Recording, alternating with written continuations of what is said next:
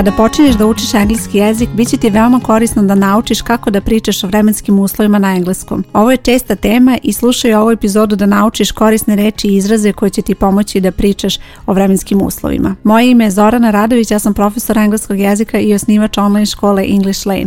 Ovo što slušaš je English Lane podcast gdje pričamo o korisnim savjetima i lekcijama za učenje engleskog jezika. Ako si početnik kada je u pitanju učenja engleskog jezika, ova tema će ti biti zaista korisna u konverzaciji i pomoći će ti da primeniš sve ono što učiš do tada, a posebno glagol to be koji je veoma važan da bi stekla dobru osnovu za učenje engleskog jezika krećemo nekoliko pitanja koje ćeš koristiti da pitaš za vremenske uslove i ovo je odličan način da započneš konverzaciju, da započneš priču o vremenu. Prvo pitanje je What's the weather like? Kako je vreme? Ono što je bitno da zapamtiš za ovu rečenicu je da je ovo takva rečenica koja ima ovo like, ali nema veze uopšte sa glagolom like koji ćeš učiti kao poseban glagol da kažeš da ti se nešto dopada ili u odličnom obliku da ti se ne dopada. Dakle, zaboravi sada na te oblike glagola like u sadašnjem vremenu, I like, he likes, she likes i tako dalje. Na to zaboravi, ova like je posebna reč koja ima neku drugu funkciju u ovoj rečenici i probaj da zapamtiš ovo kao izraz. What's the weather like? kakvo je vreme. Još jedan način da postaviš slično pitanje je how's the weather? I ovu rečenicu ćeš prevesti na isti način kakvo je vreme. Treće pitanje koje ćeš koristiti da pitaš za vremenske uslove na engleskom glasi ovako. What's it like outside? Ovu upitnu rečenicu možeš prevesti kako je napolju i misli se na vreme, kako je vreme napolju. I još jedno pitanje. Is the weather nice? Da li je vreme lepo? Pre nego što naučiš nekoliko načina kako da odgovoriš na ova pitanja, potrebno je da naučiš reči koje će ti biti neophodne u ovoj situaciji. Prvo imamo reč san koja znači sunce i tu reč možeš koristiti u konverzaciji kada pričaš o vremenskim uslovima, ali osim ove reči san koja je imenica, vrlo često ćeš biti u situaciji da koristiš pridev da opišeš kakvo je vreme i taj pridev se izvodi od ove imenice i sada će biti sani, sunčano. Dakle imamo san sunce, a pridev sunny sunčano. Ovo je korisno da zapamtiš zato što će i ostale reči biti na sličan način izvedene. Slušaj sada sljedeći primjer.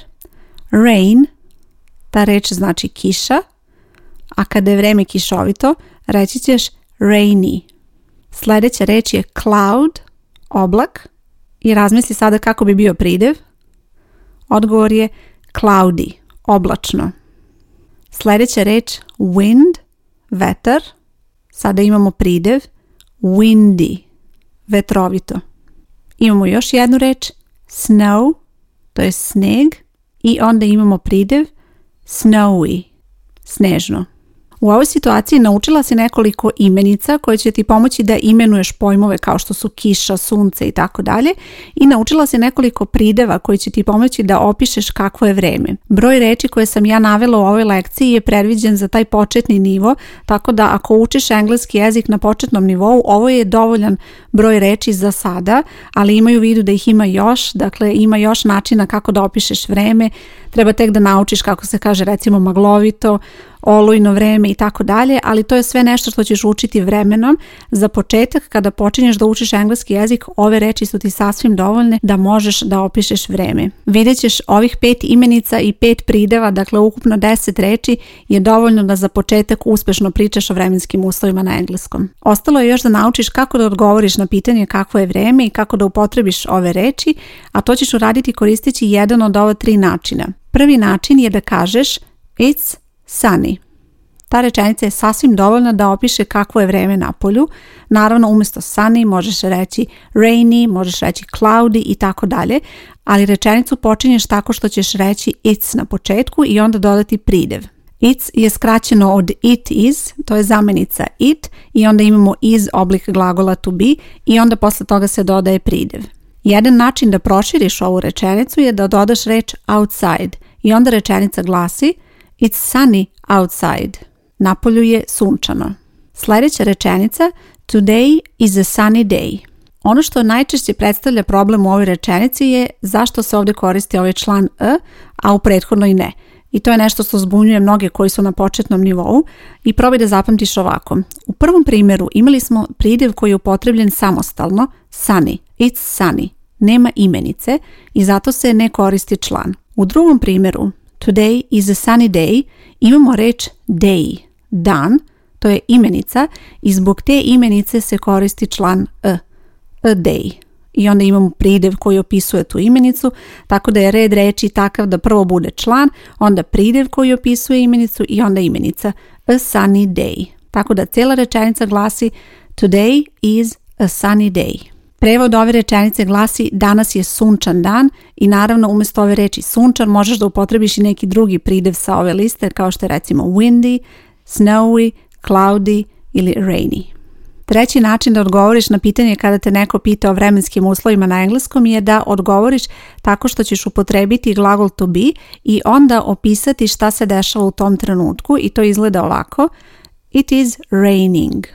Znači imamo it is zamjenicu it, to je subjekat rečenice, onda imamo is, to je glagol to be i onda imamo raining, Sada dodajemo ovaj nastavak ing, postoji naravni razlog zašto se to dešava, u pitanju je vreme koje se zove present continuous, ako si stigla do tog vremena bit će ti odmah jasno kako da učiš i uglavnom se ove lekcije o vremenskim uslovima uče uz lekcije o vremenu present continuous jer je bitno da gramatiku koju učiš integrišeš sa vokabularom, odnosno sa novim rečima, ali ako nisi stigla još uvek nije bitno, probaj samo da zapamtiš ovako kroz primjer, It is raining.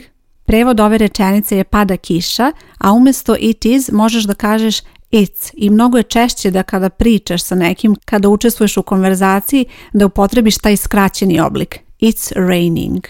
Kao početnik slobodno koristi pune oblike u početku dok se ne navikneš i dok ne naučiš šta predstavlja taj skraćeni oblik apostrof s recimo u ovoj situaciji. Slobodno koristi pune oblike da ti bude lakše da sama razumeš i da naučiš kako da koristiš koji oblik dok ne stekneš tu sigurnost. Posebno kada je u pitanju pisanje ili kada radiš vežbanja neka, obavezno te pune oblike ako ti je tako lakše da u početku zapamtiš, ali imaju u vidu da treba da ideš vremenom ka tome da umeš da koristiš i te skraćene oblike. Umesto raining možeš reći i snowing. It is snowing.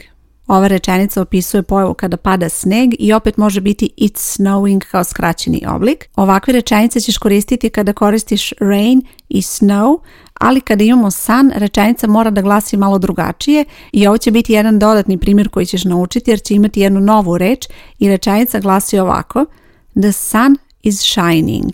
U ovoj rečenici nećeš upotrebiti it na početku, već ćeš reći the sun, is, to je oblik glagola to be i onda imamo reč shining, to znači sijati. Za nekoga će biti dovoljno samo da zapamti ove primere i to je sasvim u redu. ako te zanima zašto se baš ovo dešava, razlog je zato što su rain i snow imenice koje ujedno mogu biti i glagoli. Tako da u rečenicama it is raining, it is snowing te reči su u funkciji glagola, dok sa druge strane imamo reč sun koja ne može biti glagol, koja može biti samo imenica i onda ne može da dobije taj nastavak, ne može da se prilagodi rečenici u tom smislu i zato se koristi ovakva rečenica da opišeš da sunce sija, the sun is shining.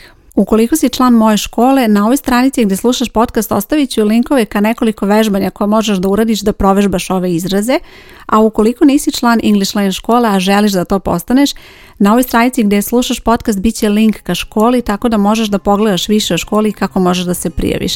Škola se zove English Lane, u pitanju je online škola, uči se preko interneta i na toj stranici ćeš pronaći sve detaljne informacije kako funkcioniše učenje. Nadam se da ti je ova lekcija bila korisna i ako počinješ sa učenjem engleskog jezika vrlo je bitno da učiš kroz ovakve praktične primjere koje možeš da upotrebiš, da opišeš neke stvarne situacije oko sebe Hvala ti što slušaš podcast. Moje ime je Zorana Radović i čujemo se uskoro.